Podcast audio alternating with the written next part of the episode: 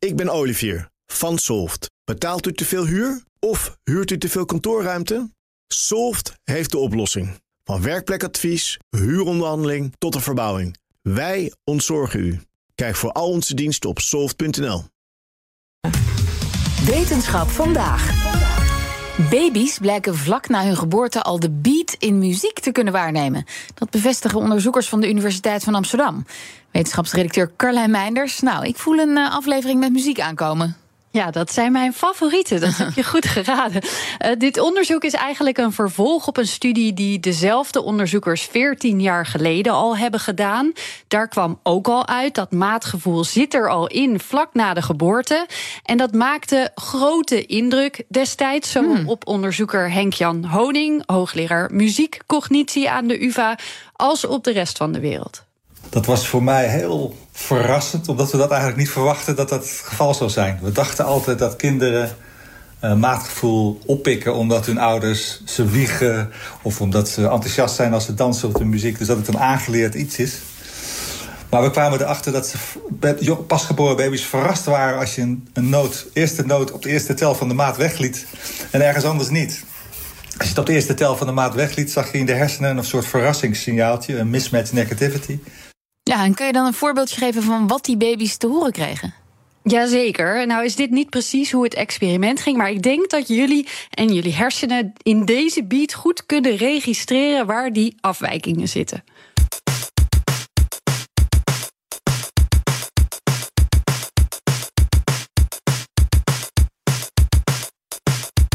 Ja. Ging dat een beetje? Hoe uh, miste er iets? Twee of drie? Ja, ik kwam ook op twee.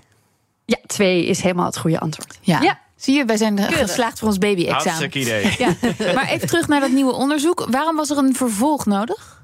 Nou, de methode was achteraf gezien nog niet ideaal. Er waren wel wat kanttekeningen bij te zetten. Alleen is het nooit gerepliceerd door andere onderzoekers om te checken mhm. of het nou echt bleef staan. Uh, en daar werd de honing zelf een beetje onrustig van. Want ondertussen werd er wel gewoon voortgeborduurd op dat onderzoek. Dus dacht hij, dan maar zelf. Nog een keer, maar dan beter. Daar hebben ze zo'n zes jaar over gedaan. In die tijd uh, is naar volwassenen gekeken, naar muzici, naar apen. En nu wederom naar pasgeboren baby's. Twee keer zoveel, dit keer naar uh, zo'n 27. Oké, en die baby's neem ik aan, die, die moesten dan weer naar muziek luisteren. Ja, ja, weer naar een beat terwijl ze sliepen. En dan werden hun hersengolven gemeten. Op een babyvriendelijke manier natuurlijk allemaal. Oké, en hebben ze zichzelf met dit laatste onderzoek opnieuw overtuigd dat ze op de goede weg zitten? Ja, ja, het was geen gelukje. Het kwam ook uit dit onderzoek. We worden met maatgevoel geboren. En het mooie nog van deze studie is dat we ook een aantal alternatieve interpretaties nou kunnen uitsluiten.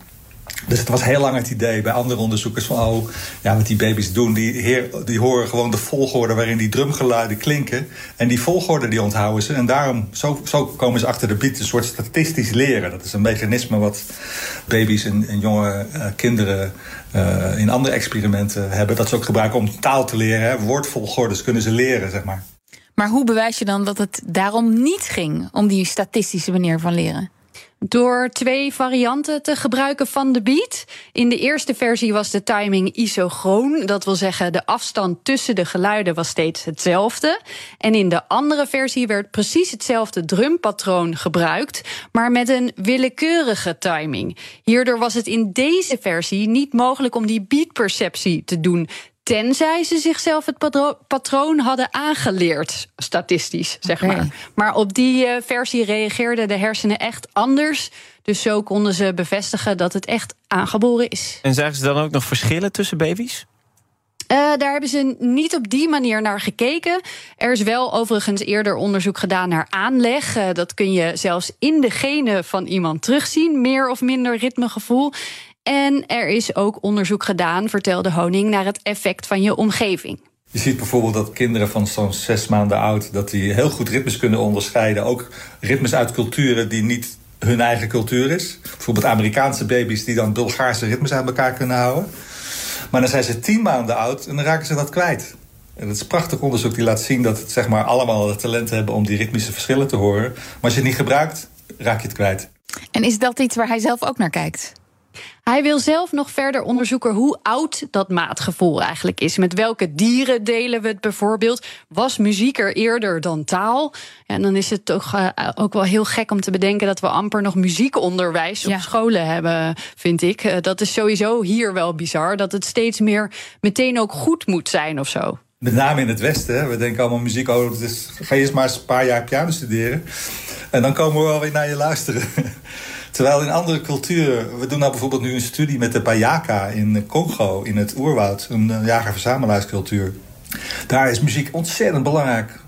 Een groot deel van de dag zingen en, en, en, en, en maken die mensen daar muziek. Dat is heel belangrijk voor die gemeenschap. En, en dat zijn wij een beetje kwijt, dat, zeg maar de, de functie van muziek. Tja, dat is toch doodzonde? Heel zonde, ja. Het is, het is natuurlijk ook een kunstvorm. Maar dat andere deel, dat spelen zonder oordeel, dat zijn we eigenlijk een beetje kwijt. Bijna, zei Honing, alsof je tegen een kind zegt: Oh, oh, ik praat pas met je als je grammaticaal correcte zinnen kan maken. Mm. En daarvoor nog niet. Ja. Moeten we nog even zelf een muzikaal oefeningetje ja, doen? Laten we dat doen. Hier uh, volgt een bekende drumbeat. Bijna helemaal zonder de rest van de instrumenten. Gespeeld door een hele goede drummer. Kunnen jullie raden welk nummer dit is? Nou, daar gaan we. Ja. Ik kan jullie een beetje helpen. Kees? Ja, heb je hem, Kees? Kees maar hoor. Uh, dit is volgens mij uh, de police met de doe doe doe Ja. da da da. Nee, je had wel de band goed. De police. Of Ja, SOS ja, is het is dan. SOS. Ja. Het is Message in a Bottle. Oh, ja, van precies. Stuart Copeland. Nou, ons muziekonderwijs kan ook nog wel wat uh, Nou, extra ik bijles vind het- gebruiken. het aardig goed dat ik zo vind snel het de netjes police hoor. Ik vind het. Ik vind het netjes, want het wordt pas later in het nummer een beetje echt dat je het echt goed kan horen. Maar ik vind het goedgekeurd. Dankjewel. En ik uh, word sowieso blij van dit soort dingen natuurlijk. Maar ja, mooi onderzoek is dat. Dankjewel, Carlijn. Ik ben Sylvia van Solft. Betaalt u te veel huur of huurt u te veel kantoorruimte? Solft heeft de oplossing. Van werkplekadvies, huuronderhandeling tot een verbouwing, wij ontzorgen u. Kijk voor al onze diensten op soft.nl.